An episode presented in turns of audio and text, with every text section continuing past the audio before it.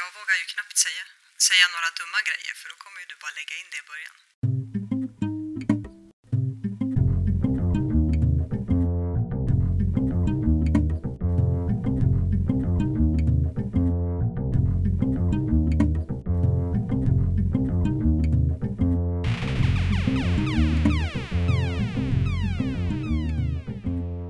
Hej på er! Det här är podcasten Social by Default igen. Och som vanligt är det jag, Sara Larsson Bernhardt, som tillsammans med Deeped Niklas Strand gör den här podcasten.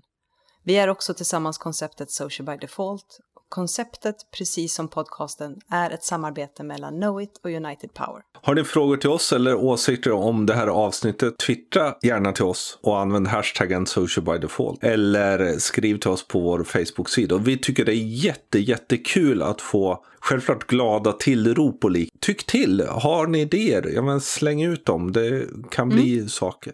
Ha, förra podcasten var liksom en spaning mm. framåt. Jag har inte några direkta saker som det känns som vi glömde bort. Däremot är det många som har läst och många som har gillat och det är kul. Mm. Och lyssnat. Nej, det är väl ingenting som vi direkt har fått kritik för eller där folk har sagt att men det här, varför tog ni inte upp det här? Men eh, det som var intressant tycker jag var att göra både en bloggpost och en podcast. Mm. Eh, just för att det här dubbla, liksom, när man sen ska sprida blev det också, okej okay, vad är det man ska sprida? Är det bloggposten eller är det podcasten? Vad är det vi ska lyfta egentligen? Mm, men det vi har sett när vi har tittat på eh, åtminstone siffror på både lyssnande och läsande så ligger de ungefär ganska lika. Så det känns som att man antingen har börjat lyssna på podcasten och sen fördjupat sig i bloggposten eller tvärtom, att man har börjat läsa bloggen och sen så har man känt att vill höra podcasten också. Mm. Så det, jag tycker det har varit ett ganska bra sätt att få dels ganska mycket hård fakta då i själva bloggen, men sen också vårt samtal runt på podcasten. Mm. Mm. Ja, och det, det är kul att göra det. Så det kan man ju helt enkelt tipsa om. Att te testa att göra både och. Men att låta, så att säga, man skriver bloggposten först och så för ett samtal eller liknande i en podcast. Och det är ju lite det den. Eh, vi säger till våra kunder eller uppdragsgivare också när vi är ute, just när det gäller att man ska arbeta med tematiserat innehåll. Att fundera på hur kan vi ta det här och förändra det så att det passar i olika medier. Mm. Och det är ju lite det vi har gjort. Vi har skrivit en bloggpost, Hårdfakta, där som vi kan dela både på LinkedIn och då vår Facebook-sida. Men också funderat på, okej, okay, hur kan vi göra det i en podcast som gör att vi faktiskt kan fördjupa samtalet och diskutera runt sakerna som man inte kan få fram i en i en bloggpost på samma sätt. Och det är ju verkligen he hela delen att, liksom, att bygga ett koncept runt ett innehåll och använda det på mm. olika ställen. Så, som vi ser att man behöver göra. Eh, det vi ska göra idag Ja, idag då, blir det ju lite gott och blandat med en... Eh, med, med en viss övervikt mot Facebook. Det, för det, det kändes som... Ja, det, var, det var, har hänt mycket på den mm. delen också.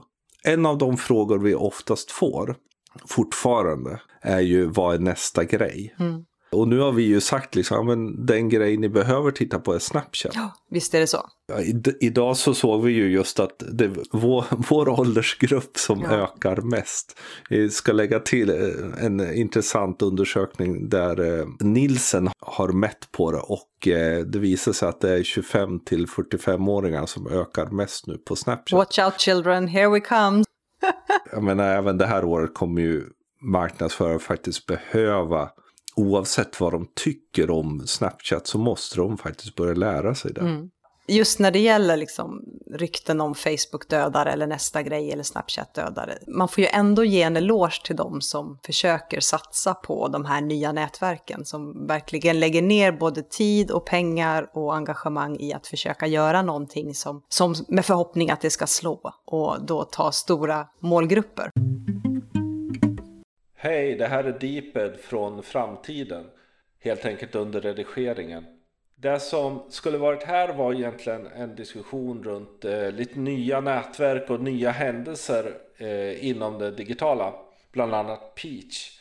Men det vi insåg var att vi gillar bäst att prata om saker när vi faktiskt har testat dem och Peach har vi inte testat tillräckligt mycket för att känna att mm, vi vet ungefär vad det, hur det fungerar. Så eh, vi väljer att faktiskt lyfta ur hela det segmentet och prata om det i en senare podcast. När vi dels har testat Peach och framförallt sett om det börjar flyga.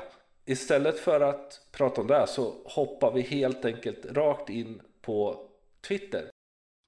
Twitter har ju, tycker jag, alltså både du och jag har ju twittrat mindre. Dels kan ju det bero på att vi faktiskt har jobbat så sjukt mycket. Så att... Eh, ett av skälen tror jag väldigt mycket handlar om att notiserna innebär att även om jag inte känner att man har tid eller man har lust att mm. liksom läsa, gå in på Twitter så ser man om någon pratar med en. Ja, dels det, men sen så tror jag också att för min del så tycker jag att klimatet på Twitter har förändrats väldigt mycket senaste tiden. Det har blivit mycket hårdare, det har blivit mycket mer megafonövertygelse än kommunikation. Och då känner jag att jag har tappat mm. sugen lite grann. Och sen har jag helt enkelt varit mer intresserad av att vara på andra nätverk. Jag har ju sen i första mars förra året någon gång varit på Snapchat. Men, men, generellt så ser man väl att Twitter har ju inte utvecklats som de har tänkt sig i hela världen. Det, Nej visade sig att de hade väl haft en ökning på två miljoner användare och i Twitters läge är ju det snarare en minskning än en ökning. Så de behöver ju göra någonting. En av sakerna var ju att Jack Dorsey faktiskt mm. kom en tillbaka. En av de som grundade Twitter. Ja, precis. Som var den som skrev världens första tweet. Setting up my Twitter. Det som var kul med det är ju för att oss nördar blev ju den nästan och är nästan ungefär som när Jobs kom tillbaka till Apple. Liksom det är lite samma så här, nu kommer allting bli bra den tror jag är en del att faktiskt rädda Twitter och att de nu börjar återknyta eh, sina kontakter med tredjepartsutvecklarna som de verkligen har stängt ute fullständigt under. Eh... För de ströp ju sitt API ganska rejält de senaste åren, vilket innebar att de hade inte heller några andra som var intresserade att hjälpa till att utveckla Twitter. För ofta så kan det ju vara så att det finns en tredjepartsklient som faktiskt gör funktioner som sedan huvudnätverket adapterar. Men genom att strypa sitt API mm. på, på det sättet som Twitter gjorde så missade man nog en hel del av det.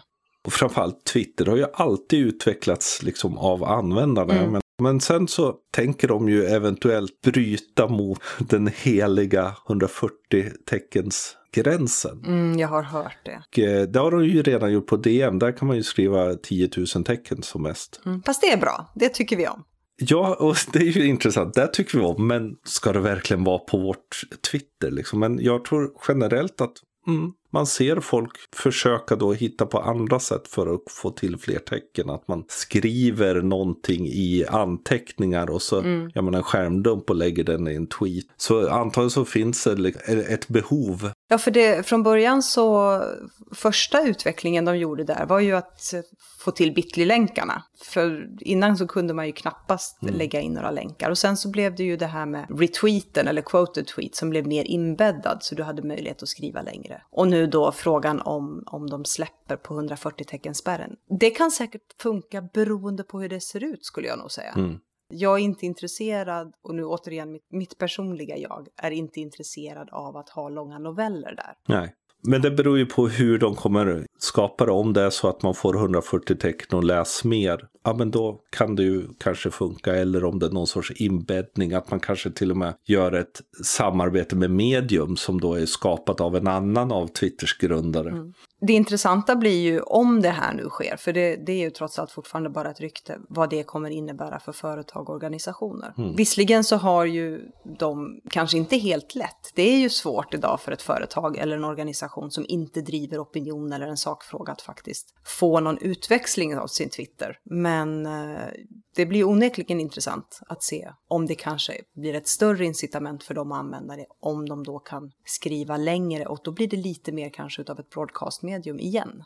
Och hur de verkligen lyckas balansera mellan snabbhet kontra mm. mer innehåll. Det är ju en, en, en viktig fråga för dem. Så det, vi får se helt enkelt. En, en intressant grej var väl det som då har hänt med Periscope. Det som jag fick höra, jag har ju en dotter då som är eh, 14. Eh, viktigt att säga rätt.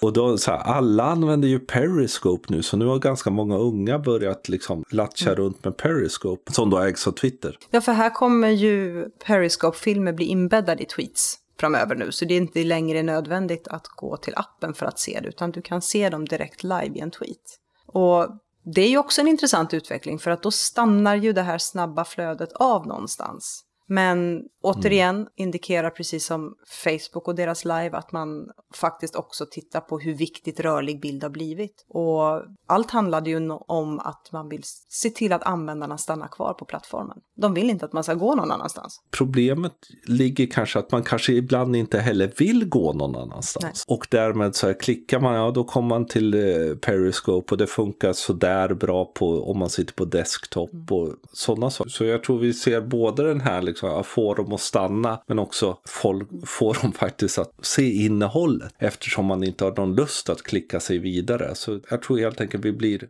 mindre och mindre benägna till att klicka på länkar. Och just att de unga anammar det, det är ju egentligen inte så jättekonstigt. Jag menar, om vi har tittat på Snapchat och sett hur mycket film som det har blivit där, och det har vi nämnt tidigare också i våra podcasts, att det från början var mycket bild och mycket rita medan det uteslutande är film. Mm. Här tar de ju faktiskt filmen ett steg längre. De blir, det blir en mer broadcasting-variant, du kan nå fler människor, men framför allt så får du den här mm interaktionen som du kan få i Periscope som du faktiskt saknar fortfarande en hel del på Snapchat. Så att då bjuder du åter, mm. återigen in dina följare eller din crowd i ett samtal, fast i den här formen i en, en livefilm. Mm.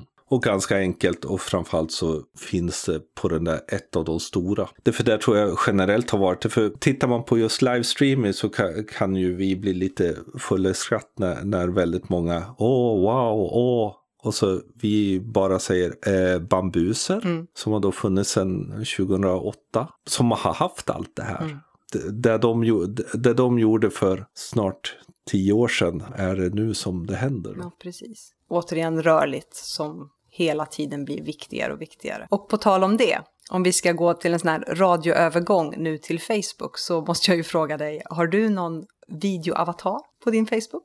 Nej, jag har inte det, men jag har testat det. Men jag insåg att att göra den bara rakt av var jättesvårt. För man rör sig lite, hur kul är det? Liksom? Men jag har sett några som har gjort riktigt snygga filmer. Liksom. Det kräver ju verkligen den här korta, mm. smarta, lite wine-tänkandet är det ju på, på de avatarerna. Det kan ju vara kul. Det som jag tyckte var tråkigt var att de syns ju inte när man är då i den lilla tumnageln. Liksom. Så det är ju inte rörligt förutom om du går till min användare och och hur ofta gör man det? Ja, det gör man ju aldrig. Om man inte ska kolla liksom. Du sa att det var lite Vine-känsla. Jag tror att mycket inspireras också från Snapchat med tanke på att du kan göra dina rörliga avatarer på Snapchat. Så... Precis, vi har varit inne på det. Men Facebook satsar ju stenhårt på sin live, live-funktion, alltså streamad film mm. live. Det såg vi under CS då var det ganska många som började använda det. Vi kommer, vi kommer få se mycket live. Det rullas ut lite försiktigt bland oss vanliga dödliga. Det har ju funnits i då den här specifika appen appen för eh, mm. kändisar ett tag då. Men nu börjar det rulla ut. Så jag gissar att framåt april, sommaren så kommer alla mer eller mindre kunna köra livestreaming från, inifrån Facebook. Och då är kommer det bli en game changer. Ja, för de är ju duktiga på det. Alltså de, Facebook är ju duktiga på att hela tiden utvecklas, hela tiden antingen köpa upp tjänster som är riktigt bra eller integrera dem eller helt enkelt sno saker rakt av för att mm. försäkra sig om att vi hela tiden vill stanna i nätverket, stanna på plattformen, att, att det inte tappar folk. Hela Facebook-sfären är ju ganska fascinerande. De har ju då tillsammans fyra stycken stora plattformar, om man räknar Messenger som fristående. Du har ju Facebook, du har Messenger, du har Instagram och du har WhatsApp. Och det är ju faktiskt de absolut största, eller mest använda plattformarna, bortsett då kanske från YouTube, som vi använder idag. Mm. Tittar man där så har de ju en räckvidd på över 2 miljarder. Ja, precis. Det är ju inte unika, för det är så, många, så många finns inte ens på internet ännu tror jag. Men, men det är ju generellt så ska man räkna en unik räckvidd så är det ju mer. Och tittar man just på Messenger så är det ju den näst mest använda appen efter Facebook. Så att de är ju gigantiska. Mm. Och Mobilt Mycket tack vare eller på grund av att de hela tiden ser till att de skapar behov hos oss eller ser behov som vi har och sen så gör de en tjänst eller köper upp en tjänst utifrån det. Och de har ju någonstans sagt att de vill göra Messenger till det naturliga kommunikationsmediet emellan oss. Vilket innebär i förlängningen då att om vi hela tiden kopplar upp oss och kommunicerar via Messenger så kommer det bli, telefonnummer kommer bli mindre eh, relevanta och sms kommer vi sluta använda och då blir det ju intressant för våra teleoperatörer. Det har man väl sett också. Det är ju väldigt sällan man nu ser att åh, du får 3000 fria sms. Liksom, för ingen använder det ens. Då är ju, det här är ju verkligen sista sucken för mail, framförallt inom mellan mm. privat. Att sätta upp sin mail privat, vad ska jag ha det Nej, till? det blir ju otroligt kopplat till företag eller till arbete. Ja. jag hade en, en diskussion med en arbetskamrat idag som har stängt ner sin Facebook. Han har stängt ner sin LinkedIn, kopplar ur sig mer och mer. Och här är ju då funderingen, för mig som, som ser det här som självklara hjälpmedel i min vardag, hur klarar man sig utan? Det är ju den extrema formen av vad vi pratar om, dialing down. Mm. Eh, och jag har ju väldigt svårt för hela den idén. Men, men, och det är ju lite det här liksom, nej nu är jag så trött på allt det här med sociala medier. Liksom. Väldigt mycket av Facebook är inte ens längre sociala medier, utan det är så generell kommunikation mm. mellan människor. Jag tror de flesta ändå som jag har hört som gör det här kommer ju tillbaka lite sådär med svansen mellan benen inom den tiden innan man försvinner från Facebook, alltså att det blir riktigt raderat. Några kopplar ur sig och ja, men de kommer ju då få klara sig på andra sätt. Blir det så att vi verkligen ser en utveckling av de här tjänsterna så att man även behöver ha myndighetskontakter och liknande, mm. ja men då är man ju verkligen off the grid. Ja, fast det tror inte jag att vi kommer göra eftersom vi inte äger dem själva. Så länge det är amerikansk ägda plattformar så blir jag, är jag tveksam till att det blir någonting som myndigheter mer och mer liksom någonstans förväntar sig att vi ska vara. Jag har ju väldigt länge sagt att ja, men Facebook kommer dö. Nej, Facebook kommer transformeras till en plattform för vardagen där i princip allt kommer finnas. Så jag tror ju garanterat att de kommer by bygga sätt för att också kunna ta hand om så här. Då, för att följa då svenska lagen när det gäller myndigheter att det inte får eh, skicka saker över, över landsgränserna. Ja, men då kan ju de se till att dedikera all den trafiken till datacentret uppe i Luleå. Mm. Och då har de löst hela problemet egentligen. Så, så vi får se. Vi har inte sett någonting ännu när det var, var Facebook faktiskt kommer bli verkligen allomfattande för vår Nej, vardag. Men det, det vi ser och det vi har märkt ett ganska långt tag det är ju dels i och med att Facebook då skruvar väldigt mycket på sina algoritmer och gör det svårare för företag och organisationer att nå ut organiskt men också att folk är mindre och mindre kanske engagerade i saker som de förut engagerade sig i. Att vi förändrar våra beteenden ganska mycket på, på Facebook. Vi har någonstans hamnat i någon form av like-trött att vi läser och vi tittar men det ska mer till för att vi ska lajka och kommentera och framförallt dela. Det var lättare förut. Och här behöver man ju som, som företag och organisation faktiskt vara medveten om att det hela tiden förändras så att man faktiskt kan dels förändra sitt eget innehåll eller jobba väldigt brett med olika typer av innehåll. Men framförallt idag måste inse att vi behöver ha en budget för att köpa synlighet. Den organiska reachen mm. sjunker konstant och det blir svårare och svårare att nå ut, vilket innebär att man, man behöver se Facebook som ett, en plattform eller ett media där man betalar för att få synlighet. Mm. Och där ser vi att de satsar ju ganska mycket på eh, nya annonsformat och kopplar ihop det också med Instagram och sådana mm. saker. Så eh, det, det kommer bli viktigt. Sen mycket nya funktioner har ju mm. kommit och kommer komma och lanseras på Facebook. Det kan vara intressant att dra dem och så sen kan man läsa lite om dem i, i en länk på, i show notes. Men dels så kommer har de ju lanserat då Facebook Professional Services som, som du är motsvarande Google har. Om du mm. googlar på ett företag får du ju upp liksom en snygg ruta med all grundläggande information man behöver.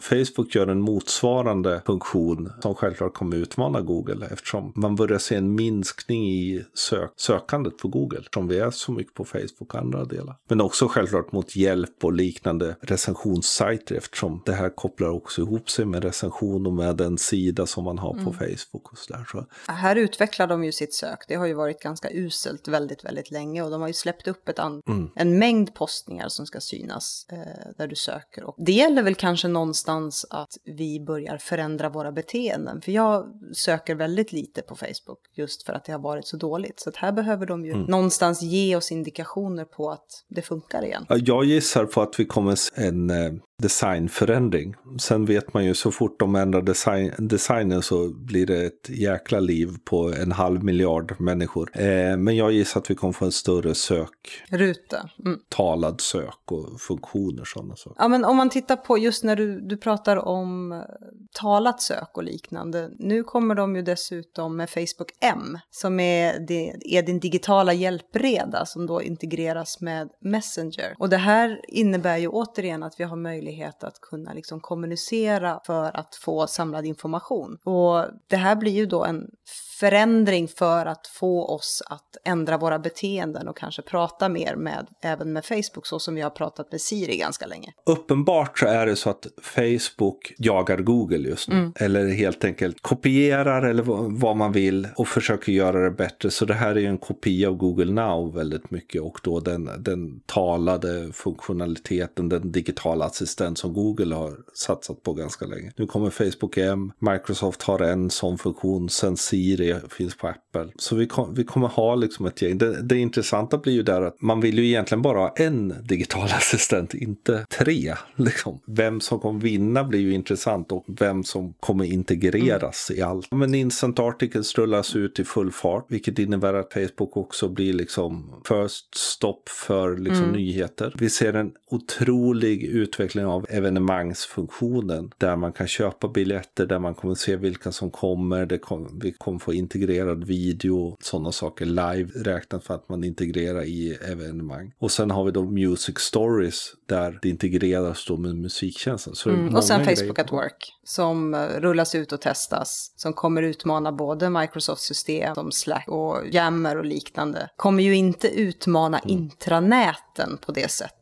än. Men framförallt de, den sociala delen i intranäten. Eftersom vi redan är på den plattformen. Så det ska bli intressant att se. Ja, precis. Och sen självklart då det som alla har tjatat, Mm. VR, Virtual Reality med Oculus Rift som då Facebook äger. Nu fick de ju en liten bump genom att den var ganska dyr. Det var liksom lite Go- Google Glass över det hela. Liksom alla var, åh nu kommer det till folket, oj den kostade visst 600 dollar, det är ju ingen som har råd om man behöver en skitstark dator. Det är en början. Ja men det här är är ju extremt tidigt och det hänger ju ihop med då 360 videos och ja, de försöker ta allt och de har råd att göra allting. Liksom. Men vi kommer nog se ett ganska intressant 2016 eh, utifrån ett Facebook-perspektiv. Och det här innebär ju att man som företag hela tiden behöver vara på tå och dels se när de här förändringarna kommer och framförallt också se vad händer med det som vi gör. Hur ska vi adaptera för att hela tiden kunna ligga och faktiskt kunna nyttja Facebook med de styrkor som Facebook har? Och, ett,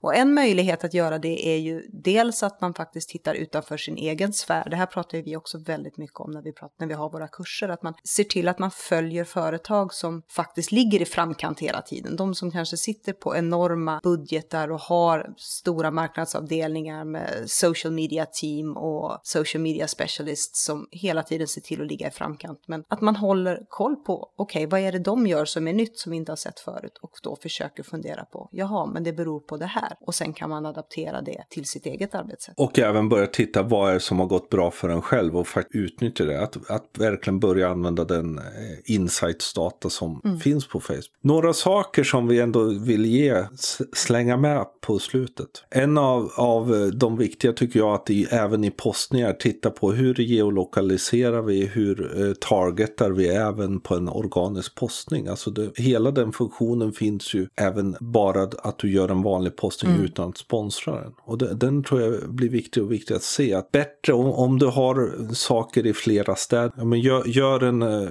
Dressman, gratt, grattis Lund och gör flera sådana post. Sen har det dykt upp en produktlistningsfunktion om man då har business manager som indikerar att vi kommer få en e-handelsfunktionalitet i Facebook. Nya möjligheter som kund, för kundtjänst runt Messenger på, eh, uh, på sidan. Sen också, vi har pratat om det innan, alltid, alltid, alltid ha med någonting som är visuellt, men nu också fundera på hur kan vi addera rörligt, eftersom det blir så otroligt viktigt. Än mer än att fundera över målet med det man postar så behöver du ju också se till att du har klara innehållsstrategier. Det, det blir viktigare, du kan inte göra saker ad hoc längre. Du behöver ha en ganska lång framförhållning för att få struktur på ditt innehåll, för att kunna veta vad är det vi ska göra så att allting blir genomarbetat. Just för att kunna targeta, kunna personalisera eller på andra sätt smalna av målgrupperna. Och sen behöver du en summa pengar. För du behöver verkligen köpa upp din synlighet. Lära sig annonsera. För jag menar,